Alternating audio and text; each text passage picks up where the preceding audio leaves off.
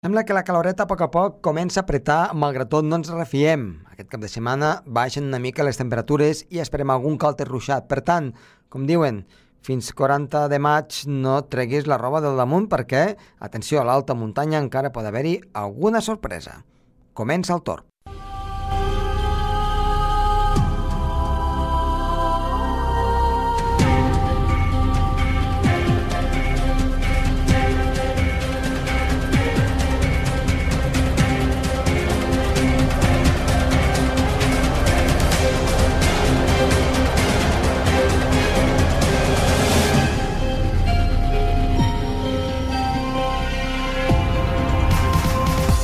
torn. Ai, la primavera, la primavera resulta que doncs, eh, tot està florint, tot poquet a poquet doncs, eh, va calentant-se una mica perquè doncs, les temperatures van pujant i de valent, amb valors que superen 25-26 graus al sud, però com dèiem, al cap de setmana la temperatura sembla que va a la baixa i pot arribar un calter ruixat dissabte a la tarda.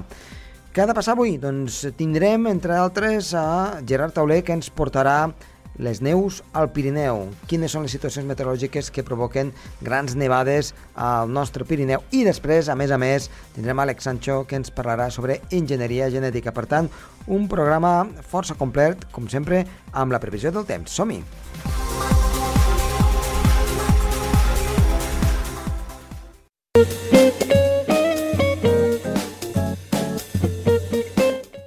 Doncs iniciem la, la programació, iniciem el programa amb Gerard Tauler, que ens espera a l'altre costat del fil telefònic. Eh, Gerard, bona tarda.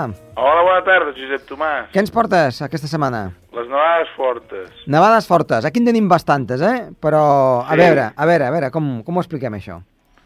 Doncs sí, aquí he, he investigat i es veu que el 24 de febrer del 2015 va haver-hi un caos aquí al Principat d'Andorra, va nevar fort. Sí. I és una situació al nord-nord-oest. Mm -hmm. Hi havia un anticicló de les Azores que estava desplaçat cap a l'est, doncs a, a prop de la costa de, de Portugal, i una borrasca cap a Itàlia, que enviava vent del nord-nord-oest. Aquestes masses d'aire que, que procedeixen del Cantàbric, quan estan carregades d'humitat, al xocar amb el Pirineu, doncs donen aquestes nevades intenses. Mm -hmm. I aquesta, aquest tipus de nevades um, ha fet... Això són força habituals, perquè he mirat eh, articles científics aquí al ResearchGate i són de les més habituals aquí al Principat d'Andorra. El Principat d'Andorra i en general a la cara nord del Pirineu a la Vall d'Aran, sí, sí. Mm -hmm.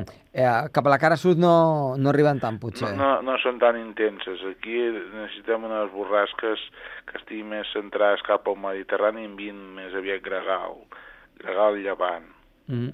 I... Com per exemple el 26 de febrer del 2008 que va anar força amb el, el Pirineu aquí oriental. Mm -hmm. I perquè hi, ha, perquè hi hagi una nevada que afecti a tot el, a tot el Pirineu? Que... Hauria d'haver una situació d'una una borrasca centrada, com el, el 30 de gener del, dos, del 86. Mm -hmm. Què va passar? La, la, la borrasca va, es va desplaçar des d'Islàndia fins a la, a la costa catalana mm -hmm. i, i primer va enviar nord-oest i després nord-est.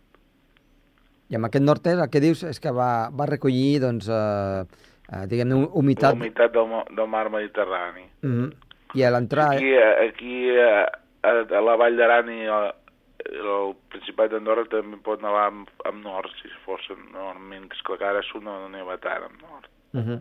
Situacions àrtiques, molt fredes, doncs dona nevades intenses també. Uh -huh. Clar, si aquí, aquí en aquestes situacions anem a moltíssim. Um, si ens traslladéssim, sí. per exemple, a, al Cantàbric, allí deu ser brutal ja, no? Sí, sí, al, al Cantàbric les nevades són brutals, sobretot al nord-oest, que, que són masses d'aire encara més càlides que nord, uh -huh. i, i clar, com més quantitat com més temperatura, més quantitat de vapor d'aigua hi ha, i per tant la nevada és més important. Mm. Potser l'únic que li falta seria la diguem-ne, l'alçada, no? L'alçada, bueno, llavors neva en cotes més altes, clar, a la costa cantàbrica li costa nevar força. Sí, sí, neva, neva més o menys igual que, que la costa mediterrània catalana, vull dir, clar, per, per, per això. I nevades fortes a zones, diguem tan poc habi menys habituals, per exemple, jo també tinc la curiositat de la cara nord, no? Eh, en zones com ara Toulouse, o, que és una mica més continental, o Perpinyà, o totes aquestes àrees, eh, aquí les nevades no...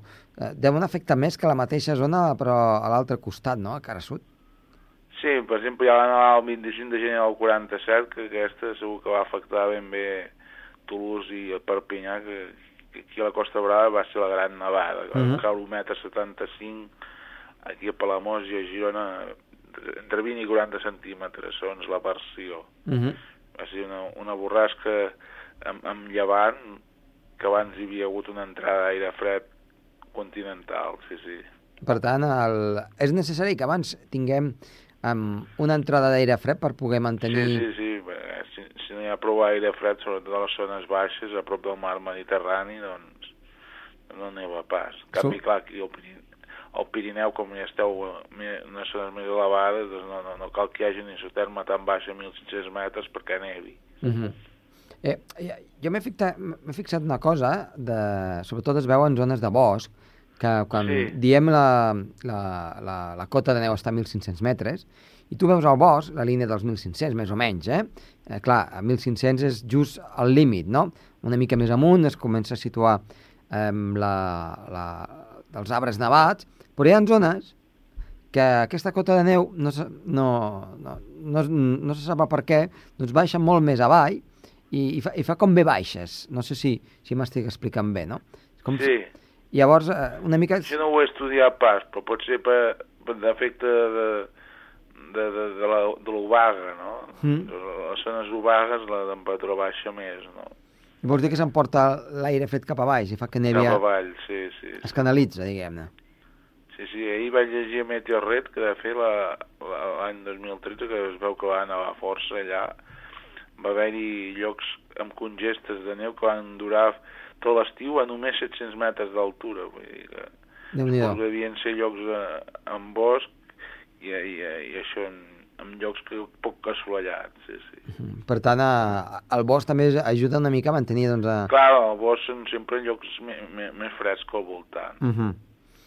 Doncs Gerard, eh, moltíssimes gràcies. De res. T'esperem la... la, setmana vinent la setmana vinent amb, amb més novetats. Vinga, molt bé, d'acord Adéu.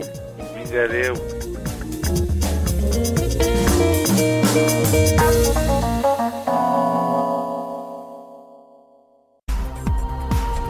El Torn, amb Josep Tomàs. En l'entrevista d'avui tornem a tenir amb nosaltres, com en altres edicions del programa Tor, Àlex Sancho, que és enginyer de telecomunicacions i meteoròleg, entre d'altres coses, i que avui ens parlarà de genètica i de la seva evolució. Àlex, molt bona tarda i gràcies per estar de nou amb nosaltres aquí al programa Tor. Molt bona tarda, gràcies a vosaltres. Doncs parlarem de genètica i tot el que se'n deriva. Comencem fent una miqueta de- d'introducció del que és eh, la genètica, eh, sobretot això que es parla del codi genètic, el genoma, tot això que ara està tan de moda. Sí, eh, primer una petita, un, un, un petit advertiment, advertim- advertiment. Avui eh, parlarem d'un tema que transcendeix una mica cap al nivell moral, cap al nivell ètic. Per tant, recomano, eh, si tothom que vulgui escoltar-ho i entendre-ho bé, que deixi una mica eh, el que, els problemes morals o els problemes ètics una mica de banda i que només eh, ho vegi des d'una perspectiva només científica. Eh, els problemes morals o derivats eh, que pugui tenir d'aquest pensament, això és un altre tema que no cal parlar-lo avui. Simplement Doncs- és un advertiment perquè estem mm, tractant un tema una mica filosòfic, per dir-ho d'alguna manera. Mm, doncs això es mostra molt interessant. Endavant, comença, quan vulguis, Àlex. Doncs bé, eh, primer, eh, tothom sabem la genètica, que nosaltres estem eh, codificats a base de, del genoma, del codi genètic, que no és el mateix. El codi genètic primer és, és la cadena d'informació i el, el genoma és, perdó, la cadena d'informació i el codi genètic és com es codifica aquesta informació. Uh Mhm. -huh. No té res a veure. Llavors, eh, no, eh, cadascú té un genoma totalment diferent i és el que ens fa diferents els uns dels altres. Vale, fins aquí tot correcte. Eh, en, el, en el procés de, de creixement, des de que l'espermatozou arriba a l'òvul, hi ha una replicació celular. Eh, el que ens has explicat des de petitets, cada dues cèl·lules se converteixen en 4, de, de 4 a 8, etc. Durant aquest procés de replicació, que eh, és molt, molt estès d'explicar, però bueno, ja, ens podem fer la idea, eh, hi ha un moment en què el codi genètic es comença a separar i hi ha un... Vale. durant aquest procés de separació i d'unió, com és lògic en qualsevol procés natural, es creen diferents problemes, diferents errors de codificació. Uh -huh. Fins aquí, bé, no? Llavors, aquests errors de codificació, el propi codi genètic, el propi genoma, el propi procés té mètodes per evitar-los. Vale? Però Sí. hi ha molts que s'escapen i no es poden evitar. Llavors, aquest és el primer problema que tenim dins del codi genètic, que és, encara que siguem mentida, tots tenim molts errors acumulats dins del nostre codi genètic. A partir d'aquí, per què tenim aquests errors? Doncs perquè és natural, és molt, és molt simple. Quan hi ha un error es, es transmet i aquest error queda per sempre en el nostre genoma. I no només queda en nosaltres, sinó en la nostra descendència. Per això és, és per causes naturals. Per causes naturals. Hi ha també factors externs. Uh -huh. Per exemple, la radiació, D'acord. en altes dosis, el que fa és trencar les cadenes d'ADN i quan es tornen a juntar falten peces d'aquestes cadenes i, per tant, el genoma acumula errors. Per tant, eh, per això el càncer o, la, eh, o les diferents enfermetats que es donen arrel de, de l'exposició a la radiació o com poden ser agents ionitzats com el sol en, molt, en molta mesura o el fum del tabac. Uh -huh. Llavors, tenim de que nosaltres tenim errors genètics, ¿vale? però clar, mmm, es comença a pensar, si tenim errors genètics vol dir que aquests errors s'han anat propagant que nosaltres hem tingut descendència. Per tant, si fem cas a l'evolució, aquests errors s'han anat propagant i cada cop tenim més errors. Doncs vale. Això la natura ho ha subsanat d'una manera que per nosaltres, dins de la moral de l'ésser humà, no encaixa, però per la natura encaixa perfectament i és qui té molts errors s'aniquila. Mm, M'explico. Ai- Així de clar, no? Sí, sí, eh, clar, eh, el que hem avisat abans, estem parlant de natura, no Ah. de codi penal ni de codi ètic. Estem Per tant, seri de- seria un, un individu, una persona, que, doncs, o, o un animal o, o una planta doncs, que no pot sobreviure.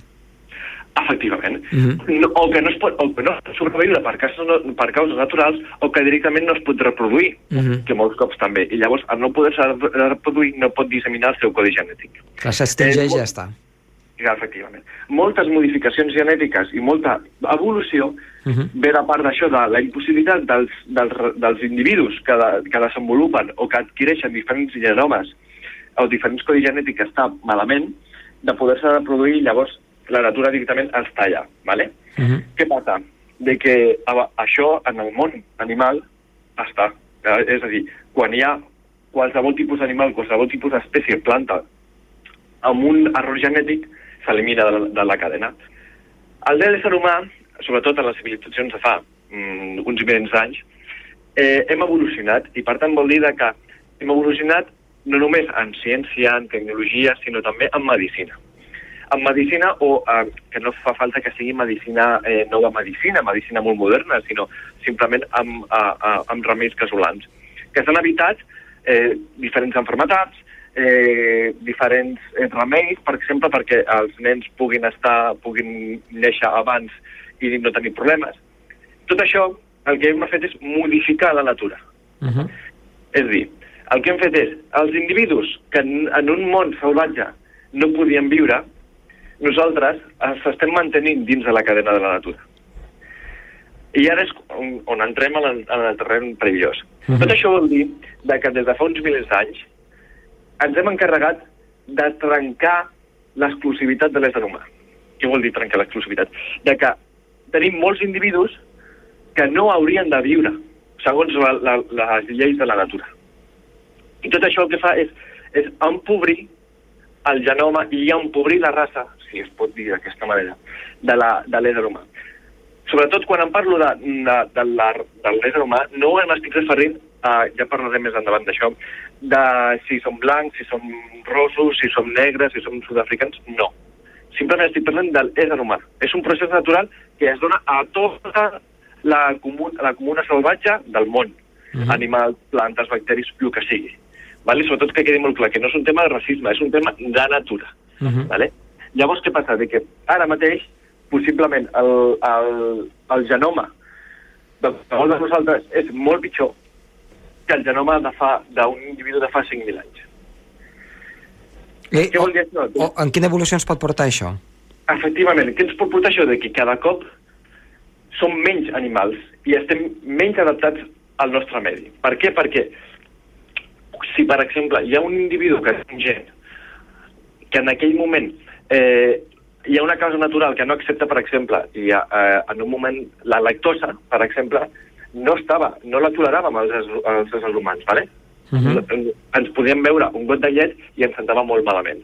Podíem morir d'una deshidratació. ¿vale? I, va haver, hi va haver un moment en què la ramaderia, l'agricultura, tot, va fer de que les poblacions fossin sedentàries en comptes de nòmades. I la llet era un, un bé amb, amb molt contingut alimentici. Sí, sí. Hi havia, diferents, hi havia diferents individus que la toleraven molt bé, però diferents individus que no. Ara mateix, pràcticament, el 70-80% de la, de la població occidental tolera la llet. Això per què és?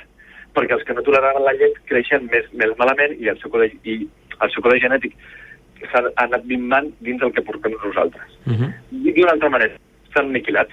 Uh -huh. Per què? Perquè nosaltres teníem, a la gent que no tenia intolerància a la lactosa, teníem avantatges respecte als que eren intolerants. Això és com si uh, en un bosc molt espès uh, sobreviuen més els individus que són baixets que no pas els que són més alts, no? Efectivament, efectivament. O, o els que naden més ràpid, és que més agilitat amb un medi que no pas amb un altre. Efectivament. I ara arribem, en un, a, agafant el mateix, el mateix exemple, ara arribem en una societat en què tothom nada igual de ràpid perquè tothom té mitjans per fer-ho. Uh -huh. Per tant, el que estan fent és empobrir el codi genètic de l'ésser humà. Llavors, al principi, a finals del segle, del segle, a finals del segle XIX, principis del segle XX, sí. hi va haver una corrent de pensament sobretot liderada per Francesc Galton, uh -huh. que era la eugenèsia. Uh -huh. Què vol dir l'eugenèsia? L'eugenèsia vol dir evitar aquest procés. És dir, és millorar la raça humana, millorar l'ésser humà, amb selecció artificial. No és selecció artificial de fecundació in vitro ni res, simplement és, és anar seleccionant els genomes que no tenen problemes. I aquí és on entrem en la part amb una mica més o més ètica del, del, del tema. Una mica més perillosa, no?, que has comentat a, a, en un principi de l'entrevista. Ah, efectivament. Ah, abans Perquè... de, que, de que continuem, eh, però eh, quins problemes podem tenir derivats d'aquesta de, de, replicació genètica natural? Doncs problemes que tenim que doncs, per exemple, eh, el que està clar és que eh, cada, cada cop l'ésser humà necessita menys fortalesa seva per viure. Mm -hmm. Per què? perquè tenim medicina, perquè tenim màquines, tenim medicaments, tenim comoditats de la vida que ens fan forts que no són forts, no són forts naturalment, són forts artificialment. Tot això fa un empobriment del genoma. Hi ha diferents teories, això no està demostrat, hi ha diferents teories que diuen que l'augment sobtat de les tasses de càncer que estaven en, en tot el món, uh -huh. perquè no, no és només en, en, en, en diferents poblacions exposades des de tot el món, és arrel d'això, de que el, el càncer no deixa de ser eh, una part del genom, del, molts tipus de càncer, eh? Hi ha, hi ha, hi ha càncer per factors ambientals, però hi ha càncer per factors genètics. Eh, estan proliferant perquè no són més que arròs acumulats després de moltes generacions. Què ens pot portar això? D'aquí a 3-4 generacions, que pràcticament tota la població arribi a desenvolupar càncer. Per què? Perquè el seu codi genètic té molts errors acumulats. Aquests errors no s'han anat eliminant. Llavors, eh, vull demanar una cosa, eh, ara que se m'ha corregut. Eh, mirem una família que hagi estat en un poble sempre alimentant-se doncs, de les coses més naturals, típica uh -huh. eh, família doncs, agricultora, eh, té avantatge respecte a la família que sempre ha viscut en una gran ciutat com ara Barcelona? No, perquè aquestes, uh, aquest procés... Allà, al llarg de dos o tres generacions, eh, estic parlant? Eh, aquest procés eh, triga molt temps, sobretot perquè, encara que sembli mentida, en un poble, a una filla molt aïllada, hi ha, hi ha molta barreja. Uh -huh. Això s'hauria de ser aïllar 4 o 5 individus i deixar-los aïllats 800 anys. Això no passa, Clar. perquè en qualsevol moment hi ha migracions, hi ha moviments migratoris, mm, eh, els, un, pot entrar qualsevol individu dins d'aquesta família i, i canviar tot el genoma. Per ja. tant, és, és un procés lent, mm -hmm. és un mhm. procés que... Sobretot el procés de barreja, el procés de treure genomes pot fer en dues generacions. Mm -hmm. Això és molt fàcil, mm, molt heavy. Si hi ha, de, do, si hi ha dos pares rossos, el seu fill és possible que surti ros o no, depèn de com, siguin, de com siguin, siguin els avis. Però si surt un fill que no és ros, per exemple, i aquell fill ja no té descendència, i, i surt un fill ros aquell fill sí té descendència, és molt més probable que mica en mica la selecció, la, la selecció artificial faci que tota la família sigui rosa. Uh -huh. Vale? Sí, sí, endavant, endavant. Clar, però això eh, el, el, pel, no- pel, nostre pensament, pel nostre pensament occidental és molt estrany. Eh, sona a, a això, a racisme, a, a, a, té, té un tel d'una mena de cosa que està prohibida. Però el, el, que, el que estàs explicant també sembla que, mm, de que la barreja també sigui bona, no? Perquè aquest genoma no es faci malbé. O sigui, Sí, de, de perquè- diferents punts del món que es puguin barrejar i que i, en lloc de ser tots d'un mateix color, no? Sí, efectivament, és que la barreja és molt bona genèticament parlant, però és molt bona genèticament parlant perquè normalment la barreja el que fa és agafar més taxa, me, menys taxa d'errors, és a dir, corregeix més els errors. Uh -huh. Vale? Però sempre, mm, com, com he dit, no estem parlant d'agafar... el- quan he ficat l'exemple dels rossos, per exemple, és, per, és, és, això és un exemple. Uh Mhm. -huh. En la realitat el que funciona és una barreja de totes les modificacions que hi ha al món. Uh -huh. Quan, com, com més barreja, més capacitat té l'ésser humà d'adaptar-se a diferents condicions. Però dins d'aquesta barreja estan fent molts errors. Per tant, l'ideal seria una barreja brutal dels diferents fenotipus del, del, de la població, però amb una correcció d'errors artificials. Per què? Perquè natural no la podem fer, perquè no estem exposats a la natura com estàvem exposats fa 5.000 anys. Clar, I aquí és on entrem, en aquesta darrera part, que ens anaves a parlar de uh, Efectivament. l'eugenèsia i, a, i el senyor Galton, que va ser el precursor. Efectivament. Mhm. Per què? Perquè, uh, com hem dit abans, el Francis Galton, eh, a finals del segle XIX, eh, va exposar això, de que, mm, ho, molt fàcil, de que si amb els gossos podem fer selecció genètica perquè no, i són millors gossos, perquè no podem fer-ho amb les persones. Eh, mm, dit així, sembla de calaix, però clar, té moltes implicacions morals i moltes implicacions, i moltes implicacions ètiques. Per què? Perquè hi va haver-hi, desafortunadament, eh, un grup de gent eh, liderats per... Eh, encara que no era el pensador de la genèsia, com va ser el nazisme alemany i liderats per, per Hitler, que va utilitzar els principis de l'eugenèsia per fer la, la neteja ètnica. No tenia ni cap ni peus el que deia Galton respecte al, al que va ser l'aplicació real de l'eugenèsia. Tot i que l'eugenèsia s'ha aplicat fins als anys 70 a molts altres països del món, ¿vale? Mhm. però no amb la, amb la neteja racial que va provocar que va, provocar- que va provocar el nazisme i Hitler al capdavant. Llavors, quan parlem d'eugenèsia, automàticament ens venen això, doncs el nazisme i els jueus, ¿vale? I això, el que s'ha fet dins de la, de, de la població occidental, dins del pensament occidental, és anul·lar aquest fet. Anul·lar que pot existir una millora genètica, com podem ser millors humans, podem tenir, podem tenir menys enfermetats, podem ser més forts, podem adaptar-nos millor al medi si fem una, selec una selecció natural, una selecció genètica. Però clar, no seria una selecció genètica ni aniquilant a la meitat de la població, ni esterilitzant a la gent, ni totes aquestes bajanades, perquè van ser bajanades que va fer eh, Hitler i, la, i bueno, el nazisme als anys 30-40. Com seria? Doncs amb una cosa que és la reprogenètica, que simplement és anar seleccionant els genomes que estan bé i anar traient els que estan malament. Els que estan malament, per exemple, eh, eh, jo sóc daltònic, uh -huh. vale? això és perquè la meva mare tenia un gen portador que fa que jo sigui daltònic, doncs aquest gen eliminar-lo per un que estigui bé. Això és el principi bàsic i el principi bo, per dir-ho d'alguna manera, de l'eugenèsia, que després, lògicament, l'ésser humà és com és i el va utilitzar per, desafortunadament, el que tots coneixem. Déu-n'hi-do, déu nhi déu pues, uh, Com que tenim pendents una segona part, crec que podem aprofundir una mica més sobre aquest tema, que crec que els nostres oients també hi estaran molt interessats, de com es podria aplicar això, eh, quines formes hi han i totes les conseqüències ètiques i morals que se'n poguessin derivar. Doncs, Àlex Sancho, moltes gràcies per tornar aquí amb nosaltres i t'esperem ben aviat perquè ens expliquis aquesta segona part sobre genètica i en concretament sobre l'eugenèsia. Gràcies i fins la propera. Molt bé, moltes gràcies. El torn amb Josep Tomàs.